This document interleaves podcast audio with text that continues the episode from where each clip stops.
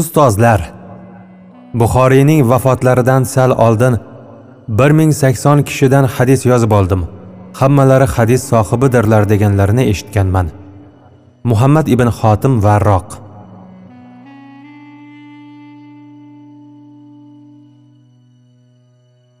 Ko'p yillik ayriliqdan so'ng ko'hna zaminning uzoq yaqin iqlimlariga qilingan ko'plab rixlatlardan keyin yana kindik qoni to'kilgan yurtga qaytish odamga hamisha farahli sururli tuyuladi. Muhammad ibn ismoil islom dini quvvati deb sharaflangan buxoroyi sharifga eski uyasiga talpingan qushday kirib keldi. Tanish ko'chalarga muazzam daraxtlarga shodmon va mahzun chehralarga allaqanday ilhaqlik sog'inch va muhabbat bilan nazar soldi. Bu safar ham shaharga boykand darvozasidan kirib kelar ekan eng avval sadoqatli shogirdi. Uzoq yillar yonida kotiblik qilgan abu jafar kunyasi bilan tanilgan muhammad ibn abu xotim varroqni yo'qlab bordi. Darvoza oldida ustozi turganini ko'rgan muhammad tamoman dovdirab qoldi. Imom bilan quchoq ochib ko'rishdi ixlos bilan qo'llarini o'pdi. Ichkariga chorlab go'zal mulozamat ko'rsatdi. Ammo imom buxoriy uning samimiy o'tinchlarini rad qildi. Hovliga kirishga ko'nmadi. Vaqt ziqligi bahonasi bilan shogird takallufini javobsiz qoldirdi. Buning o'rniga tez kiyinib chiqishini so'radi. Ustozining fe'lini yaxshi bilgan muhammad ortiqcha savol bermay to'nini kiygani kirib ketdi. Keyin ikkovlashib shahar ichiga qarab yurishdi. Buxoroda go'yo hech narsa o'zgarmaganday. Oradan yigirma yilcha vaqt o'tgan esada hamma narsa turgan joyida qotib qolganday taassurot uyg'otadi odamda. Minorasi ko'kka o'rlagan masjidlardan yangragan azon tovushi ilgarigiday qushlarni bexos cho'chitib yuboradi.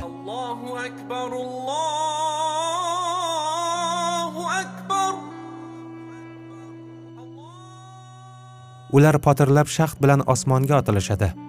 Mug'lar ko'chasidan to dehqonlar ko'chasiga borguncha sertuproq yo'llarni changitib aravakashlarning po'sht po'shti bilan ot yoki eshak qo'shilgan katta kichik aravalar o'tib qoladi. Harqon bozori yo'lidagi torgina ko'chaning ikki chetida turnaqator oshpazlar ularning qozon va ko'ralaridan taralayotgan xushbo'y hidlar shundoq ham ochlikdan behuzur bo'lib turgan ishtaha va nafslarni qattiq qiynoqqa soladi. Odamlarning baqir chaqiri bolalarning qiychuvi eshak hangrashi misgar va temirchilar do'konidan chiqayotgan taraq turuqning hammasi omoqda qo'shilib ajib bir go'ranishga aylanadi. Bozor kiraverishida yerga yonboshlagan kulol devoni odamlarga oxiratni eslatib hammaga yod bo'lib ketgan o'sha mashhur baytini takrorlab o'tiribdi. O'lim dunyo hayotin qildi bir pul umringni o'tkarma g'aflatda butkul. Devona baytini tamomlaydi-yu lunjini shishirib non chaynagancha o'tgan ketganga tirjayib gap sotadi. Hoy shalpang quloq. Buxoroyi sharif enangni chorbog'imidi ko'chada yalpayib yurasan? Bor yo'qol. Amirning saroyiga bor. Yo'qsa yuvindisidan quruq qolasan. Keyin u birdan imom buxoriyni tanib qoladi. Marhabo hazratim shahrimizga xush kelibdilar. Qadamlariga hasanotlar deb mashhur hamshahariga iltifot ko'rsatgan bo'ladi. Ammo birdan devonaning kulguga moyil lablari qimtiladi. Ko'zlari allaqanday yovvoyilarcha chaqnaydi boshini sarak sarak qilgancha imomga achingan simon g'alat qarash qiladi. Ortidan hoy ismoilning bolasi seni allohning o'ziga topshirdim. O'zi panohiga olmasa mening qo'limdan nima ham kelardi? qabilida sirli bir gap qiladi. Muhammad ibn ismoil har safar buxoroga kelganida eng oldin ustozlar ziyoratiga oshiqadi. Marhumlarining haqlarida duoda bo'lib allohdan rahmat mag'firat tilaydi. So'ng bozorga bir rov bosh suqadi hamrohlik qilayotgan shogirdiga buxoroning mashhur obinonidan bir nechasini xarid qilishni buyuradi. Ularni bir gaz bir gazdan yirtilgan oq surpga ikkitadan qilib o'ratadi. Non orasiga bir ulushdan halvo parvarda mayiz turshak solib chiqadi. Keyin bu tugunlarni shogird yelkasidagi xurjunga joylab ustozlarning huzuriga yo'l oladi.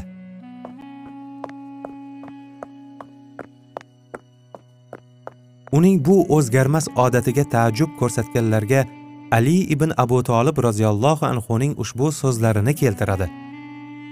Menga bir dona harf o'rgatgan kishining quliman. Xohlasa sotsin xohlasa qullikdan ozod qilsin xohlasa qul qilib ishlatsin. Haqiqatan aqli raso inson uchun bunday ehtirom qilinishga eng haqdor va loyiq zot muallim ustozdir. Kishi iymonining belgisi shubhasiz ustoz hurmatiga va duoyi xayriga sazovor bo'lishdir. Imom buxoriy bu odatini sira kanda qilmadi. Ustozlaridan ikrom ehtirom muhabbatini aslo dariq tutmadi. Bunday izzat ardoq keyinchalik shogirdlaridan unga bir necha barobar bo'lib qaytdi ham. Hozir buxoroning jin ko'chalaridan shogirdi hamrohligida xayollarga g'arq bo'lgancha borar ekan bolaligida ustozi muhammad ibn salom boykandiyning qilgan nasihati esiga tushib qoldi. Agar buxoroyi sharifga ilm olish va haqiqiy ustozni topish maqsadida borsang ixtilofli masalalar va turli savollar topib u joydagi ahli ilm va ulug' ustozlar bilan bahs munozara qilishga shoshilma. Ulug' imomlar o'rtasidagi ixtilofli masalalarda muzokaraga oshiqma. Balki ikki oy sabr qil to bir ustozni o'zingga tanlab u haqda yaxshilab o'ylab fikr yuritgaysan. Ustoz to'g'risida darhol xulosa chiqarishga shoshilma. Agar buxoroyi sharifga kelib sinamay biron ustozdan saboq olishni boshlasang uni bilmaganing uchun keyinroq dars o'tish uslubi seni qiziqtirmay qo'yishi mumkin. Natijada o'sha darsga ham ilmga ham qiziqishing qolmaydi. Hatto ishtiyoq uyg'onmaydi ham. Bu ish esa o'sha darsni tark etish va ustozdan uzilish bilan tugaydi. Maqsading hosil bo'lishi uchun yana boshqa ustozni izlaysan. Unda ham dars boshlab avvalgi ishlaringni takrorlaysan. Shuning uchun alloh ilmingga baraka bermaydi. Ilmda darajaga ega bo'lsang ham na o'zing na boshqaga naf bera olasan. Buning zamirida yana bir ko'z ilg'amas sir bor. Tark etgan ustozlarning ko'nglini ranjitib qo'yasan. Zero bir harf o'rgatgan ustozning roziligini olish qanday ustoz bo'lsa-da uni hurmat qilish va bu to'g'rida va'da qilingan lutfu inoyatni topish shogirdning hayotiy mazmuniga aylangan vazifasi bo'lmog'i shart. Shuning uchun ham bu ishda yaxshilab tafakkur qil. Ilm olish muhim va nozik masala bo'lishi bilan birga unga ustoz tanlash ham o'ta muhim va zarur masaladir. Ko'p maslahat va kattalarning ko'rsatmalarini olib mazkur shart sharoitlarning ko'pini o'zida mujassamlagan bir ustozni top. To uni tark etish va darslaridan qolishga ehtiyoj sezmagin. Mana shunda ta'liming barakotli va xayrli bo'ladi. Ilming foyda beruvchi va o'zing manfaatli ilm sohibi bo'lish uchun ustoz huzurida sobit va mustahkam turasan. Bilginki har bir ishda sabru chidam qanoat hamda sabotli kabi yuksak fazilat egasi bo'lish o'sha ishni komil egallashda asl va asos hisoblanadi. Afsuski ushbu fazilat insonlarda ko'pda topilmaydigan kam uchraydigan noyob hislatdir. Inim abu jafar yumushingdan uzib menga hamrohlik qilishga chorlaganimni ma'zur tutasan. Ustoz menimcha bu uzrxohlik ortiqcha. Qay bir shogird ustozining o'tinchiga qarshi borgan qay biri undan xizmatni darig' tutgan. Haqni so'zlading jigarim. Ustozlarni ehtirom qilish kishi iymonining go'zalligidandir. Hozir sen bilan birga ustodi kul ishoq ibn rohavay hazratlarining turbatlarini ziyorat qilish niyatidaman. U zot ilm toliblariga o'ta mehribon g'amxo'r bo'lish barobarida o'zlari ham ustozlarining xizmatiga hamisha chog'langan serhimmat zot edilar. Bir kuni bizlarga saboq berayotgan edilar. Dars asnosida goho o'rinlaridan turib qo'yar edilar. Bu narsa ziyrakona nazarimizdan chetda qolmadi. Sababini so'ragan edik u zot kamoli ehtirom bilan mehribon ustozimning o'g'illari ko'chada bolalar bilan o'ynab yuribdilar. Gohida o'yin bilan mashg'ul holda beixtiyor darsxonamiz eshigi oldiga kelib qolsalar ustoz hurmatidan o'rnimdan turib ketyapman dedilar. Buxoriy abu jafarni hayratga solib ibn rohavayhning ajib qiliqlaridan shogirdiga so'zlar ekan makkadagi bir voqea esiga tushib labiga tabassum sochildi. Ko'zlari bolalikdagiday shodon chaqnadi. O'shanda u makkai mukarramada ilm toliblariga hadis imlo qilayotgan edi. Dars asnosida umraga kelgan bir ziyoratchi buxoroyi sharifdagi ustozlaridan salomnoma keltirib qoldi. Shunda u darsxonadagilarni hayron qoldirib tanaffus e'lon qildi. Hamshahrini quchoq ochib mulozamatlar zo'r iltifot va ikromlar bilan kutib oldi. Olis yurtdan mujda olib kelgan ziyoratchini izzatlab oldiga dasturxon soldi mohazar tayyorladi. Suhbat asnosida ziyoratchi buxorodagi ustozlarining salomlari yozilgan maktubni u kishiga topshirdi. Imom buxoriy uni olish uchun o'rnidan shahdam turdi. So'ng buxoro tomonga yuzlandi. Maktubni ikki qo'llab olib va alaykum assalom xitoblari bilan uni o'qishga tutindi. Uning olis buxorodagi muallimlarga ko'rsatgan bu qadar oliy himmati ilm toliblarini qattiq hayratlantirdi va havaslantirdi. Birodarim abu jafar ibn rohavay hazratlari manim uchun o'ta qadrli izzatli bir inson edilar. Alloh u zotni rahmati va afvi bilan chulg'ab olsin. U zot sababidan men sahih kitobini tuzmakka rag'batlandim. U zotga bog'liq voqea tufayli parvardigorimning lutfu inoyati bilan ushbu ishning uhdasidan ham chiqa oldim. Ustoz bir vaqtlar rohavay hazratlari yetmish ming hadisni bir qarashda ko'z oldilariga keltira olishlarini so'zlaganlarida siz u kishi aytganidan ham ko'prog'iga qodirligingizni so'zlagan ekansiz. Ha bu gapda asos bo'lgan jigarim. O'shanda men makkadan yangi qaytgan mo'ylovi endi sabza ura boshlagan o'spirin edim. Birinchi qilgan ishim ustozning majlislariga borib u zotni ziyorat qilish bo'ldi.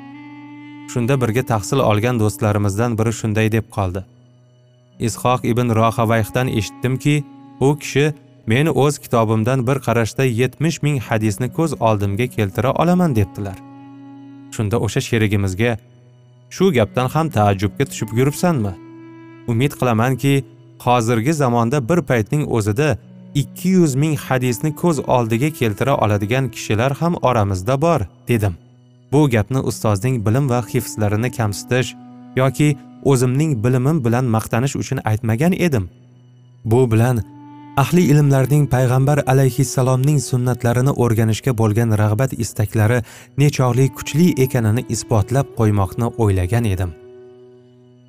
Eshitishimga qaraganda ustoz sizning tarixi kabir kitobingizdan o'ta mutaassir va xushnud bo'lib uni hatto buxoro amiriga ham ko'z ko'z qilgan ekanlar.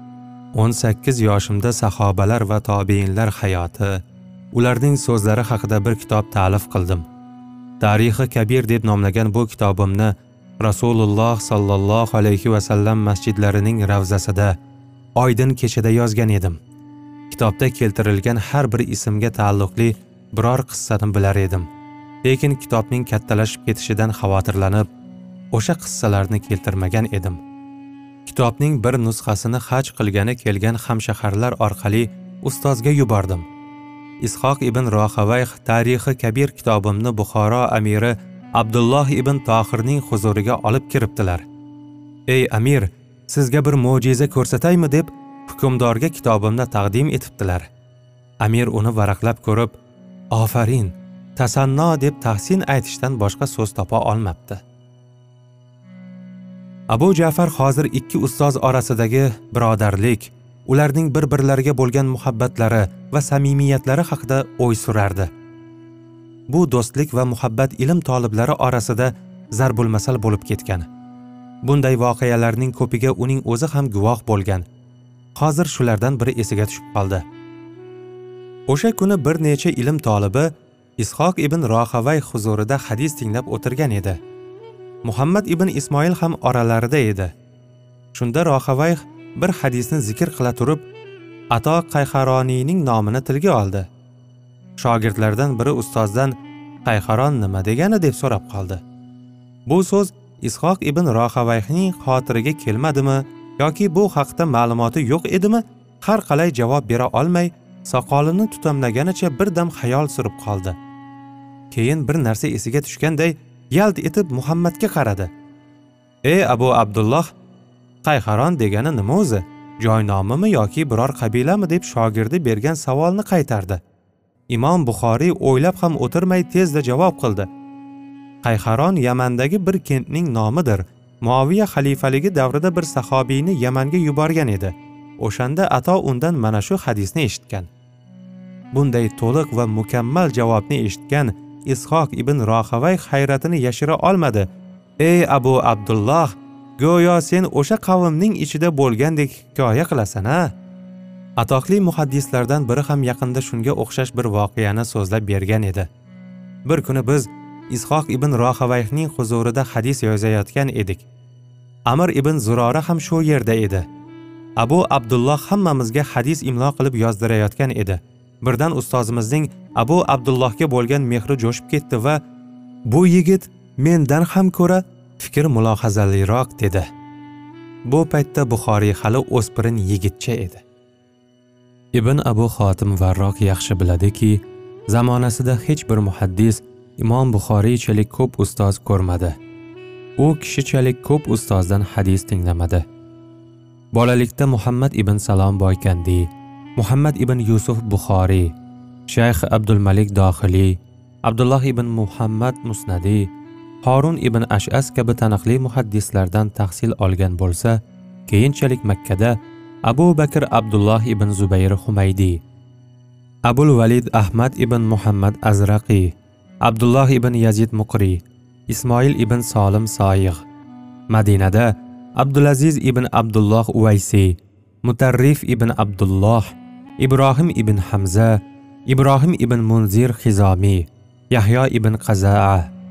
Basrada abu osim nabil savfon ibn iso badal ibn muhabbar haram ibn hafs kufada abu noim fazil ibn dukayn tolq ibn g'anom ahmad ibn yaqub ubaydulloh ibn muso bag'dodda ahmad ibn hanbal surayj ibn numon muhammad ibn sobiq muhammad ibn iso tabbo shomda muhammad ibn yusuf firyobiy abu nasr ishoq ibn ibrohim hayot ibn shurayh odam ibn abu iyos hakam ibn nofi misrda ahmad ibn shabib usmon ibn solih asbag' ibn faraj said ibn abu maryam balxda makkiy ibn ibrohim yahyo ibn bishir zohid muhammad ibn abon qutayba ibn said hasan ibn shujo marovda ali ibn hasan ibn shaqiq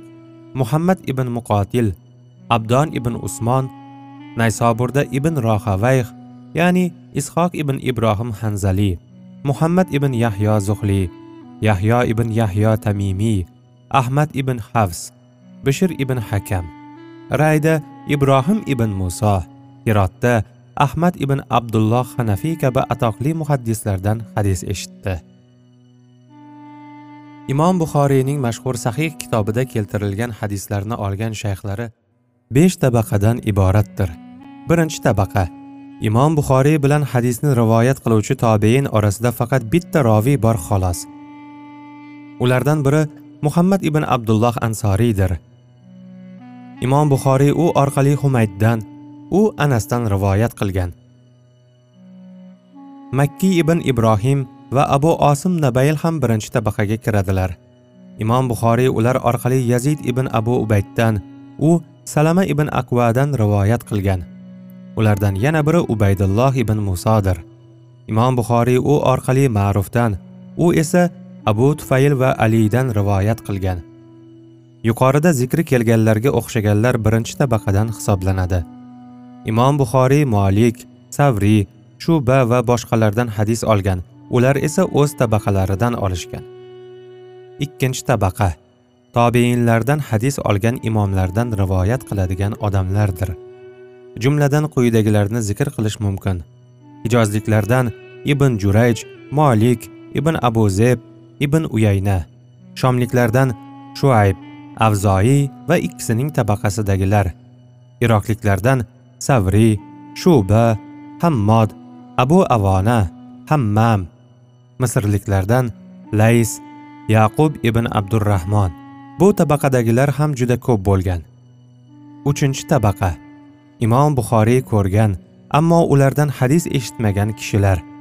Bu tabaqaga yazid ibn horun va abdurazzoq misol bo'ladi. To'rtinchi tabaqa. Imom buxoriyning tabaqalaridagi kishilar bo'lib ular orqali o'z shayxlarining rivoyatlarini olgan. Bularga abu xotim muhammad ibn idris misol bo'ladi. Beshinchi tabaqa. San'at yosh vafot va ma'rifatda imom buxoriydan keyin turadigan odamlar bo'lishsa ham u kishi ulardan rivoyat qilgan. Ularga abdulloh ibn hammod omuliy va husayn qabboniy misol bo'ladi. Imom buxoriyning o'zi muhaddis toki o'zidan yuqori o'zi tengi va o'zidan kichiklardan rivoyat qilmaguncha komil bo'la olmaydi degan.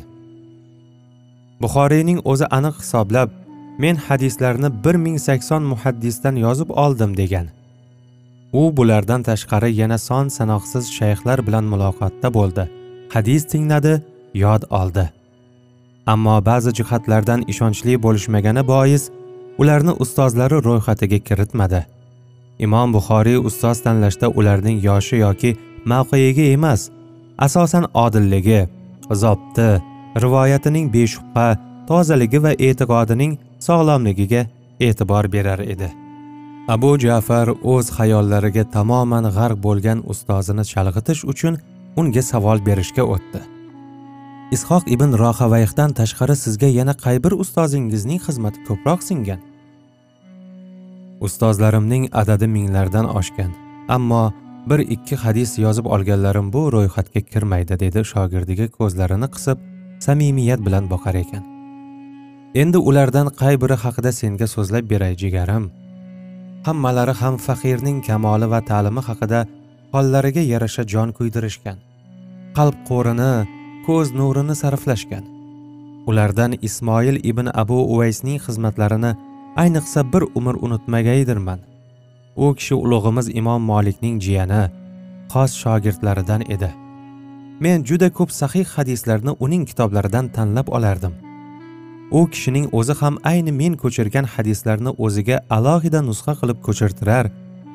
G'urur va faxr bilan manavi hadislarni muhammad ibn ismoil men to'plagan hadislar ichidan tanlab olibdi deb hammaga gapirib yurardi. U bir kuni menga kitoblarimdan foydalanaver. Men nima narsaga ega bo'lsam hammasi seniki. Toki hayot ekanman umrim bo'yi sendan minnatdorman dedi. Bir kuni yosh muhaddislar to'planib hadis ilmida bilimlarimizni oshirish maqsadida ibn abu uvaysning saboq berishini so'rab unga murojaat qilishga kelishdik. U kishini bunga ko'ndirishni mendan iltimos qilishdi. Chunki ibn abu uvays shogirdlari ichida menga ko'proq ishonar menga muhabbati o'zgacha edi. O'shangacha mening biror taklifim yoki o'tinchimni yerda qoldirmagan edi. Do'stlarimning istagini darhol amalga oshirishga kirishdim. Ibn abu uvays ilm toliblariga dars berishni boshlab yubordilar. Mashg'ulotlardan keyin u kishi mening sharofatimni ya'ni vositachiligimni taqdirlashni istadi. Joriyasini chaqirib unga dinorlar solingan hamyonini olib chiqishni buyurdi. Joriya olib kelgan hamyonni menga tutqazar ekan.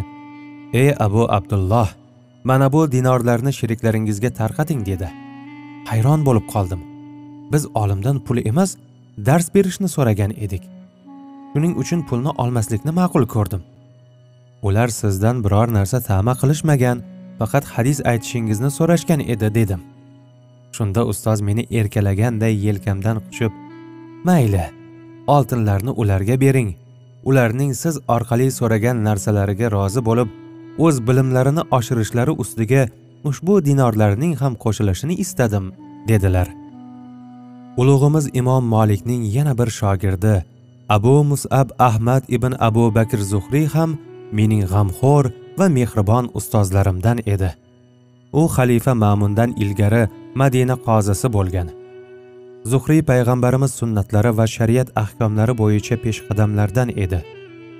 U madina ahlining faqihi sunna ashoblarining ham ustozi bo'lgan. Shu kishi bir kuni faqir haqida shunday degan bizning nazdimizda muhammad ibn ismoil ahmad ibn hanbaldan faqihroqdir. Ustoz basralik abu osim nabilning ham sizga ehtiromi bo'lakcha bo'lgan ekan. Uning siz haqingizda aytgan gaplarini ancha yil oldin menga hamyurtimiz muhammad ibn qutayba buxoriy shunday so'zlab bergan edi. Abu osim nabilning xonadonida bo'lganimda unikida bir o'spirin yigitni ko'rib qoldim. Bu bola qayerdan kelgan deb so'radim. Buxorodan deyishdi. U kimning o'g'loni dedim. Ismoilning o'g'li deyishdi. Shunda unga bilasanmi sen menga qarindosh bo'lasan dedim. U bilmayman deganday ohista boshini chayqadi. Bolalikdanoq mashhurlik otini qamchilayotgan qardoshimni suyib bag'rimga bosdim. O'sha yerda turgan bir notanish kishi mening bu holatimni ko'rib bu bola hali kuchga to'lgan qo'chqorlarni ham shoxlab tashlaydi dedi. U bolaning kelajagi haqida yaxshi gumon bilan hali u nomdor ustozlar bilan bemalol bellasha oladi demoqchi bo'ldi.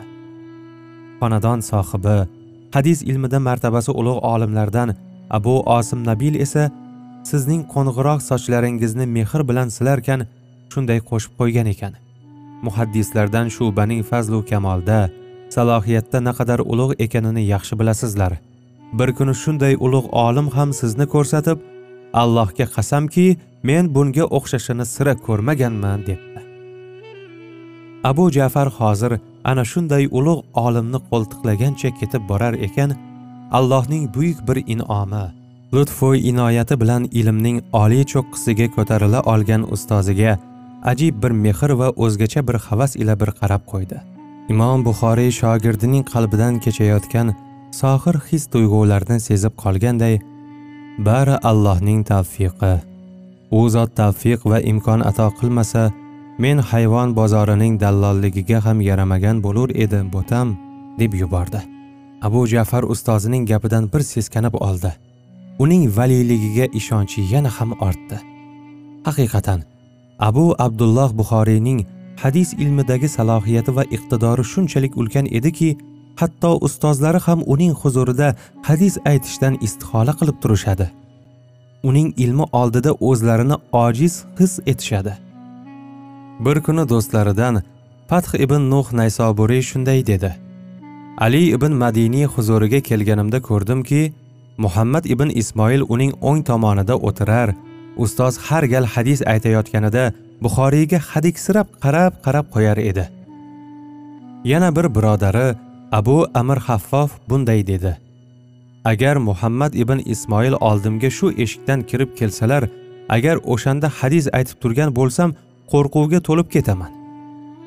Hatto ustozning o'zlari ham bir zamon qaysi bir ustozning oldiga bormayin mening undan oladigan foydamdan ko'ra uning mendan oladigan manfaati ko'proq bo'lar edi degan edilar.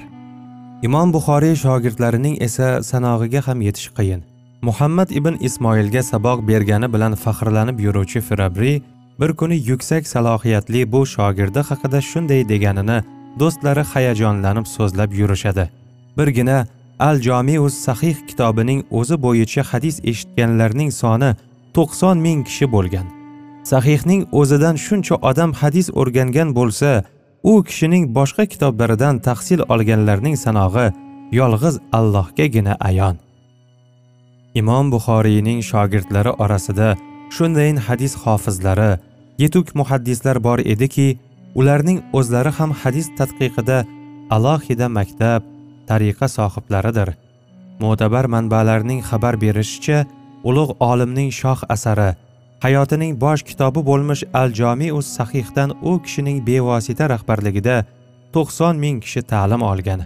Buxoriydan hadis o'rganganlar orasida muslim ibn hajjoj abu abdurahmon nasoiy abu iso termiziy ibn huzayma ibn abu dovud muhammad ibn yusuf firabriy ibrohim ibn maqil nasafiy hammod ibn shokir abdulloh ibn musnadiy abu zur'a roziy mahmud ibn muhammad bazdaviy kabi o'z davrining atoqli muhaddislari bor edi.